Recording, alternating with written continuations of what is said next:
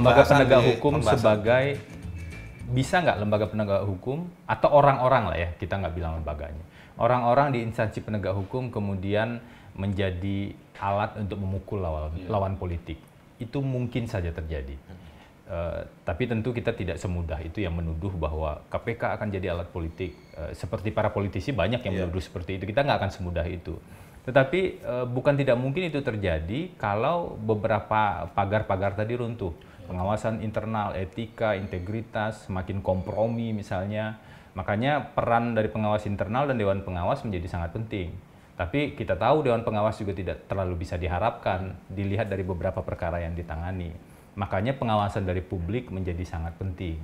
Suara-suara dari publik termasuk nanti dari eh, akun YouTube Haris Azhar channel Wih. ini itu menjadi sangat penting. Dia akan menjadi Karena begini loh juga betul bang, beberapa kultur prinsip dasar itu sudah mulai tereduksi.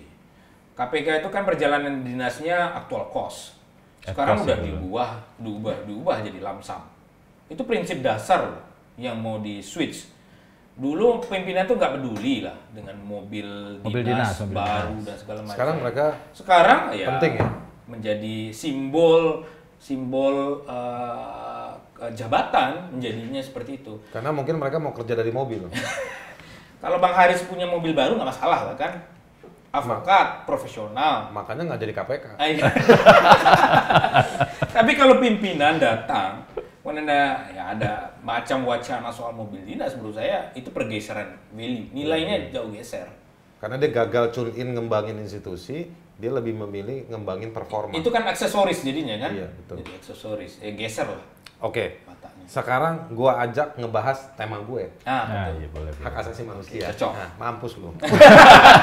Jadi di segmen di segmen pertama, di segmen pertama hostnya kita berdua, karena sumbernya dia. Sekarang gini, eh, dulu waktu gue di Kontras, Yoi. kita kan pasti banyak cross checknya tuh kalau soal koruptor diancam hukuman mati ke ICW. Pasti kita bilang coba-coba tunggu tunggu ICW ngomong apa. gitu. Iya, iya. Nah, sedikit-sedikit gue selentingan suka denger ICW juga coba-coba kita enak gak nih mau kontras Iya, gitu. iya. Nah, Saling saling mendengar, saling. Dan mungkin buat orang-orang yang nonton ini, Saling menunggu. Kontras sama ICW itu bisa dibilang saudara kandung. Jadi dia lahir di zaman yang sama. 20 Maret Kontras ICW Eh, Oktober. 98 eh, lupa persis gue tanggalnya. di tahun yang sama, tapi nggak beda jauh. Jadi memang waktu itu di LBHI karena ada reformasi, situasi menjelang reformasi itu penting ada mobilisasi fokus-fokus isu, ada lembaga anti korupsi namanya ICW, lalu ada lembaga eh, advokasi HAM itu Kontras, ada beberapa lagi yang lain, KRHN dan beberapa Ya. lagi. Nah, jadi memang eh, cukup punya kedekatan historis antara ICW dan eh, Kontras, meskipun kantornya nggak dekat dan eh, bangunannya beda. Eh, ICW lebih bagus. Eh, tapi gini, ada isu yang apa namanya saling cabut belati lah kira-kira. Eh, penting ada simbolisasi ketegasan melawan korupsi atau melawan koruptor yaitu hukuman mati. Nah, di kontras ada situasi-situasi yang kadang-kadang memang berat ngadepin opini publik, terorisme, Ya, ya. korupsi, eh, bansos Ya, atau ya untuk bantuan-bantuan kemanusiaan. Kalau dikorupsi itu ancamannya hukuman mati. Posisi kalian gimana? K- Kalau posisi sekarang, Eh, iya boleh, boleh dibilang begitu. Kemarin saya sempat nge-tweet soal itu. Ketika eh, saya dengar Nge-tweet di Instagram. di nge-tweet di, apa, di, di Facebook, di Facebook. Saya sempat nge-tweet di Facebook. Nggak gitu di WA bang. Di Instastory, Instastory. Soal ini apa? Hukuman mati. Karena waktu itu saya dengar seolah-olah eh, pimpinan KPK, salah satu pimpinan KPK bilang bahwa kalau jangan coba-coba korupsi eh, di saat pandemi. Anc- kami akan eh, menuntut hukuman mati atau ancaman hukuman mena- mati menanti gitu Iya. ya. Terdengar sangat sangat sangar dan tercitrakan sangat tegas begitu kan.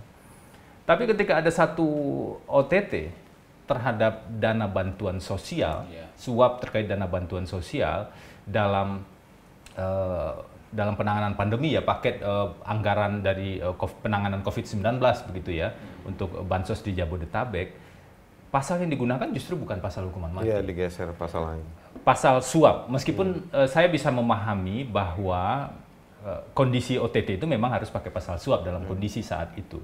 Tapi poinnya jangan nggak perlu sok sok gagah-gagahan uh, dengan bilang bahwa korupsi akan dituntut hukuman mati. Karena pada prakteknya sampai saat ini nggak pernah ada tuh kasus korupsi yang di difonis sampai hukuman mati seumur hidup ada. KPK pernah menuntut seumur hidup untuk mantan ketua Mahkamah Konstitusi. Oke. Hukuman mati nggak pernah.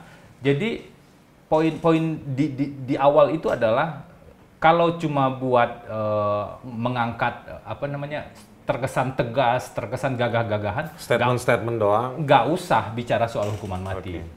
Di sisi lain kita juga harus lihat menangani kasus korupsi ini selain soal penanganan tindak pidananya, kita juga harus lihat manfaat dan praktek di dunia internasional dan juga kredibilitas negara dalam penanganan kasus korupsi. Sekarang pertanyaannya sederhana, dari negara-negara yang berhasil memberantas korupsi, Ada yang siapa sih hukuman. yang nerapin hukuman mati Iya. itu? Apa indikator yang bisa kita gunakan? Corruption Perception Index misalnya. Sembilan survei yang kemudian diolah sedemikian rupa menjadi Corruption Perception Index. Nggak ada tuh yang negara-negara di tingkat eh, atas yang paling dipercaya dunia internasional eh, berhasil memberantas korupsi itu menerapkan hukuman mati. Yang jadi pertanyaan adalah apa iya hukuman mati itu punya manfaat yang signifikan Untuk korupsi. mereduksi korupsi? Karena pemberantasan korupsi ini nggak cuma dilihat nangkapin orang kan, perbaikin pe- perbaiki eh, sistemnya juga eh, bagian dari pemberantasan Dan korupsi. membongkar jejaringnya juga. membongkar seluruh jejaring, mengembalikan aset ke kas negara itu juga bagian itu justru bagian yang paling penting Dan concern kalau orangnya dihukum mati, bagaimana dia mau kasih keterangan bahwa ada Belum lagi kalau kita lain? bicara soal eh, dari perspektif eh, hak azazi manusia, Hmm. yang itu eh, Mas Haris yang lebih paham, senior saya yang bernama Haris Azhar gitu kan. Problem Tapi institusional penegak hukum juga begitu. Kita kan harus lihat juga problem institusionalitas penegak hukum, penegak hukum makin nggak prudent, korupsi yang terjadi dalam penegak hukum. Jadi dalam penanganan kasus korupsi terjadi korupsi itu kan juga ada. Ada, Untuk banyak. motong siapa yang kemudian Ya. aktor intelektual, kalau yang aktor middle-nya dihukum dengan hukuman mati, ngejar intelektual dadernya kan menjadi makin susah. Nah kadang-kadang ancaman hukuman mati kalau memang diterapkan di middle level kan akhirnya intelektualnya bisa ya nggak jadi kejar. Kayak kasus bansos kemarin 17 m ya. Iya. Dana yang disita kan ya. Sepuluh ribu awalnya per tiga paket tiga ratus ribu diduga diambil sepuluh ribu, tapi sekarang udah berkembang karena ternyata ada dugaan aliran dana ke pihak lain juga. Kalau itu jadi pola, sementara duit penanganan pandemi lewat Kemensos itu jauh lebih banyak, berarti bisa lebih dari 17 m dong. Kalau dihitung polanya konstan begitu ya, sepuluh ribu dibanding tiga ratus ribu, sepuluh ribu aja ya eh, dari seluruh dana bansos. Dana bansos itu kalau saya lihat eh, itu kan bagian dari eh, dana bantuan COVID ya, dana pendanaan penanganan COVID yang paling gede itu bisa ratusan triliun sebenarnya dana tersebut. Jadi kalau kita lihat dengan pola yang konstan ini, bukan tidak mungkin jauh jumlahnya jauh lebih besar. Meskipun kalau soal pembuktian hukum kan kita harus buktiin satu Iya. persatu. Iya, iya. Eh, tapi artinya ada risiko korupsi yang jauh lebih besar yang harus dibongkar sebenarnya. Makanya saat eh, kemarin ada OTT penetapan tersangka ketika kami ditanya oleh media kami jawab eh, oke ini apresiasi buat teman-teman pegawai KPK yang sudah membongkarnya. Hmm. Tetapi ini tantangan bagi KPK kalau betul-betul mau serius Iya. membongkar jauh lebih besar kan. Iya. Karena ini kan kepentingan masyarakat Sampai secara ke mana, langsung. sampai siapa aja Iya, harus betul. dibongkar. Saya agak setuju kalau misalnya Risma ngerubah jadi cash ya, ditransfer gitu. Ya per- pernyataan presiden kan ada yang bilang ke depan akan diubah menjadi cash. Pertanyaannya, kalau itu cash, ada kemungkinan nggak Iya. Disunat lagi. ada dalam tanda kutip permintaan uang di eh, lapangan dipotong? Kutipan-kutipan. Jadi ya. kutipan-kutipan itu. Dan apalagi juga Bang Haris sudah tahu problem yang selalu menjadi problem turunan adalah soal database. Database masyarakat penerima bansos itu selalu jadi masalah yang nggak selesai-selesai. Baik di level daerah sampai di level pusat. Peruntukannya buat orang miskin, Iya. tapi database-nya orang cakep. Itu- Repot kan? itu itu itu masalahnya apalagi kalau model-model permainan dengan vendor itu kan nggak selesai vendor eh, diloloskan untuk supply beras misalnya vendor suplai beras. Kickbacknya kan bisa memutar nanti. Iya, iya. Oke. Setelah diskusi tadi panjang lebar, sebelum lanjutin, saya jang, eh, mungkin kalian bingung sama kain tenun ini. Ini dijual ya? Eh, dijual. Eh, ini kenapa taruh di sini? Ini bagian dari promosi bantu teman-teman penenun di Flores dan di Sumba. Eh, karena karena pandemi situasi pandemi ini mereka jadi terganggu eh, distribusi dan perdagangannya. Jadi saya coba bantu fasilitasi mereka.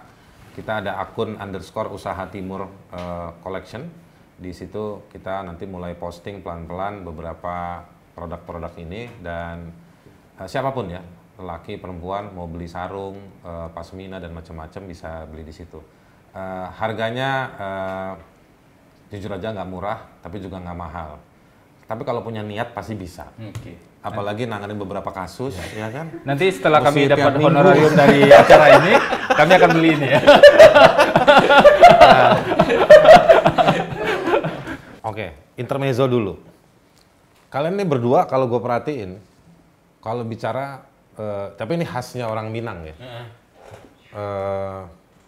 gue gue baca beberapa bukunya Sultan Takdir Ali Sabana. Oke. Dia orang Minang bukan? Iya, Orang Minang kan? novelnya. Novelnya ada bukunya juga antropologi eh, baru dan lain-lain itu. Memang dahsyat lah. Jadi memang orang Minang ini bahasa Indonesia baik. Kalian juga baik. Gue yakin eh, ini bagian dari kultur, gitu. Pertanyaan gue nggak ada hubungannya sama itu. Pertanyaan gue, kalian dengerin musik nggak? Denger dong, denger musik. Ap- apa dia hobinya? lagu partner nih, managing partner. gue nggak nanya ke lu, gue nanya ke dia. Dia denger musiknya apa? Eh, apa ya? Dia jarang denger musik soalnya. Nah itu berarti Kalau bener kecurigaan gue, ini terlalu serius-serius nih orang-orang nih. Kalau semobil Ngobrol, nggak pernah ya dia muter musik ya. tapi ada ada tape-nya. Ada, ada. Ada nih nih. Ada. Nih playlist gua ya. Coba playlist, coba playlist. Gue pengen tahu playlistnya. Playlist. Ter- Terlalu serius nih, terlalu serius. Playlist. playlist. Karena orang ngeliat Febri itu nyampein perkembangan kasus waktu zaman KPK, pendapat-pendapat kasus korupsi sekarang, ya kan? Tapi bang, semobil kita, ini jarang kan muter bang musik kan? Lagu Iksan Scooter nih di playlist gua nih. Terlalu terlalu Nah, karena itu kan di playlist bang. Iwan Iwan Fals. Itu kan di playlist. Masalahnya diputer atau enggak bang? Lagu Mi- nggak kapan dipasangnya? Dipasangnya kapan? Lagu Minang. Dipasangnya kapan? Kenapa ada lagu gelas-gelas kaca ya di sini? Ada denger musiknya ada. Ada, tapi jarang. Lebih Sehari- banyak- lebih sehari banyak sekali? merenung. Jadi kalau sendiri Wah, bahaya itu nih. merenung, me- me- mengevaluasi apa saja yang terjadi sebelumnya. A- Ada lah dengar musik kalau di jalanan. Apalagi kalau kita nyetir dari Pa- Jakarta ke Padang, ya pasti punya koleksi musik gitu. Lagu Minang lagi ya. Kalau gue lebih ini bang, nonton YouTube yang soal musik. Misalnya Britain Got Talent, American Got Talent, itu gue Oke. tontonin. Tapi kalau Kalau yang lokal banyak konyolnya, jadi gue nggak nonton. tapi dia hobi musiknya apa dia? Dangdut, rock, jazz. Gue suka yang eh, Tapi sekarang kadang-kadang dia suka dangdut kadang-kadang. Dia suka kayak misalnya sekarang yang eh, eh, cover cover yang kayak Fanny Febiola. Gua muternya agak jauh dari istri karena gue dibilang terlalu tua muter yang begitu begituan. Padahal cover enak loh suara Fanny Febiola itu Istri lu jauh umurnya? Deket Nggak, dia selisih dua tahun. kecil. Tapi gue sengaja menjauh karena dia nggak demen gue muter yang begitu begituan. Oke. Tapi yang luar suka gue Jason Mraz. Berarti persahabatan kalian di profesi ini belum masuk ke wilayah musik ya? kalian musik kalian mesti non- yang mulai tune in nonton itu- konser bareng. Ah itu belum pernah bang. Yang mulai tune in itu olahraga. Kita sula, sedang belajar main. Oh kalau Febri gue liat di eh, sosmednya rajin olahraga dia. Iya. Mulai. di sosmed Mulai. rajin olahraga di Iya di sosmed. sos- ya paling nggak buat sosmed lah, ya kan? Untuk sosmed jadi olahraga. Lu olahraga? Gue olahraga sering, rutin. Gue lari. Sekarang mulai belajar main tenis. lari dari kenyataan tapi lari. Dikit lagi, dikit lagi main golf nih. lawyer, lawyer, lawyer. Oke, sekarang ya, gue mau bicara ini soal konsepsi ideal hukum. Kita berhadapan sama situasi politik, kemiskinan, pandemi. Ini pertanyaannya pasti berat banget. agak berat nih. Tapi ya kita kan harus kasih oleh-oleh sama orang yang nonton dengan bahasa yang gampang. Kalian kan jagoan dalam komunikasi publik ya. Janjinya yang ringan-ringan aja tadi ya. Eh, nanti bisa di delete jadi ringan. Seperti apa harus hukum harusnya hari ini?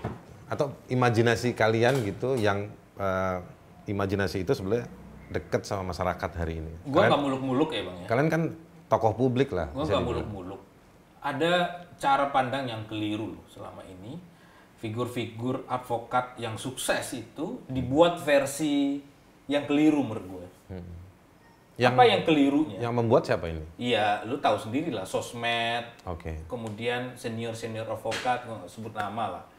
Yang cara pandangnya itu meng- merusak menurut gue cara pandang eh, eh, para lawyer lawyer muda apa contoh yang ditontonkan adalah semua serba mewah.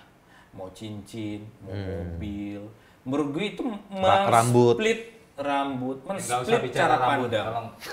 Tolong ya. itu merusak loh beneran bang Iya, merusak karena gue ngelihat langsung seorang avokat senior ngajar di PKPA yang dilihatin ke ke, ke peserta PKPA adalah kunci Ferrari dan Hmm. semua bertapuk tangan soal itu di kelas loh gue pikir ini ngerusak loh Ini, ini baru kuncinya kunci ya. doang Ini kunci baru doang. kunci doang. Baru kunci doang. ini ngerusak dan gue surprise-nya adalah seluruh mayoritas lah nggak seluruhnya gue kan PKPK itu duduk di paling belakang lah kira-kira begitu Yang itu menyamar. tepuk tangan jadi gue ngelihat di depan itu Lu, lu ikut itu tepuk tangan? Lu gue diem lah Terus disuruh tepuk tangan tapi sama Jadi ini. diem. Kalau nggak nggak lulus. di situ gue langsung kepikir loh ini ngerusak loh dan orang itu secara kontinu ngasih role modelnya begini loh avokat yang benar itu. Jadi menurut gue itu keliru. Dan ketika tune in dengan dengan yang kayak beginian sebenarnya banyak avokat jago hebat pinter-pinter tanpa harus menunjukkan bahwa lu jadi advokat berhasil dengan cara-cara cincin pakaian dan seterusnya. Menurut gue ini yang harus di switch gue tertarik untuk mulai melakukan itu. Dan kita mulai bicara ini secara serius dengan managing partner gue ini kita harus bikin kelas advokat. Managing partner Sabtu Minggu. Banyak gue bermimpi soal itu loh bang. Combine visi integritas bikin kelas advokat yang ngasih role model yang berbeda. Ini kan kita ibaratnya PKPA itu ladang pernyemaian sebenarnya. Walaupun sebenarnya kampus menjadi varian yang sangat menentukan juga sebenarnya tapi paling tidak ini ladang penyemaian pertama yang harus dikasih mindset itu adalah begini advokat yang benar gitu loh dan dan menurut gue eh, ini challenge juga Eh, cara kita mandang sukses itu seperti apa jadi menurut gue kita kita ber- berproses juga seluruhnya ya Bang. gitu Kalau lu gimana, Feb? Gue terpana tadi mendengar eh, Asem nih. partner gua bisa. Udah Donald. Udah Donald. Nggak mungkin dibantah. Partner soalnya. rusak internal nanti kalau di mana jangan Anda jangan coba mengadu dombakan. iya iya iya Ini nanti bisa sharing profitnya terganggu. Ya kali itu sudah ditulis. Karena dari saran eh, senior kami Haris Azhar pada Iya. saat itu, itu pertama yang harus dikelirkan. SOP, SOP. SOP. Eh, aku tarik agak jauh ke belakang ya. Ada dua aspek. Pertama, ini agak bias akhir-akhir ini eh, saya lihat antara norma sosial, norma agama dan norma hukum. Kalau kita belajar dulu peng- pengantar ilmu hukum gitu ya, eh, mengenal baca buku mengenal hukum, sebenarnya kita baru bicara soal norma hukum kalau norma sosial dan norma agama dalam lingkup relasi antar manusia ini Oke. itu eh, tidak bisa menjawab eh, persoalan tersebut. gitu kan.